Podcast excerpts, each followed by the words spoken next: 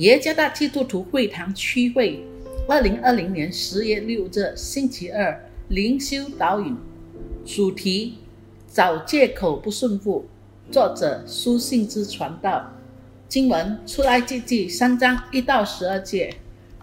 摩西牧养他岳父米甸祭司叶特罗的羊群，一日领羊群往野外去，到了神山，就是何烈山。耶和华的使者从荆棘里火焰中向摩西显现。摩西观看，不料荆棘被火烧着，却没有烧毁。摩西说：“我要过去看这大异象，这荆棘为何没有毁坏呢？”耶和华神见他要过去看，就从荆棘里呼叫说：“摩西，摩西！”他说：“我在这里。”神说：“不要进前来。”当把你脚上的鞋脱下来，因为你所站之地是圣地。又说：“我是你父亲的神，是亚伯拉罕的神，是以撒的神，雅各的神。”摩西蒙上脸，因为怕看神。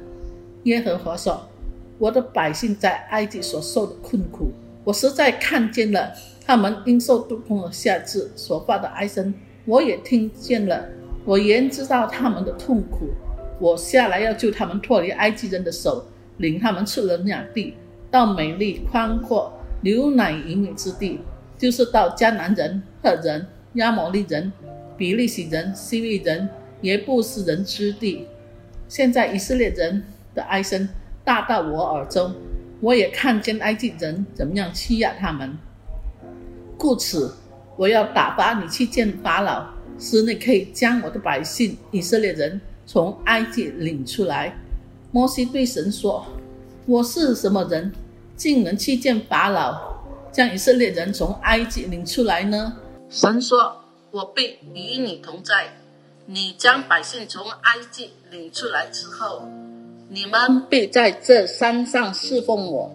这就是我打发你去的证据。”出生于美国的作家 Alan Cohen 在他的著作《为什么你的生活很糟糕》中写道：“这个世界上有两种人，喜欢找借口的人和喜欢寻求成功的人。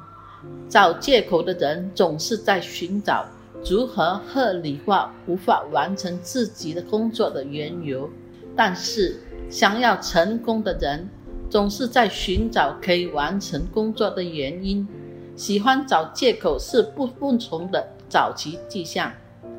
摩西四次找借口，他拒绝服从上帝。首先，他觉得自己是一个普通人，没有能力；其次，他害怕被拒绝。但是上帝耐心地回应了摩西，上帝确认了他的召唤，解释了他的计划。并应允了他的参与与同在，甚至上帝也使摩西具备说话的能力和行奇迹的能力。但是摩西继续找借口，他拒绝了上帝的命令，最终这使上帝发怒，甚至后来因他的态度想要惩罚摩西。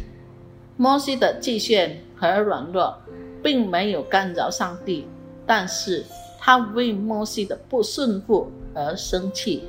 摩西那样的态度，也许你觉得自己没有足够的能力侍奉上帝，或在其他人拒绝你时感到毫无准备和尴尬。你可能会担心即将出现的巨大挑战，或成千上万的其他原因。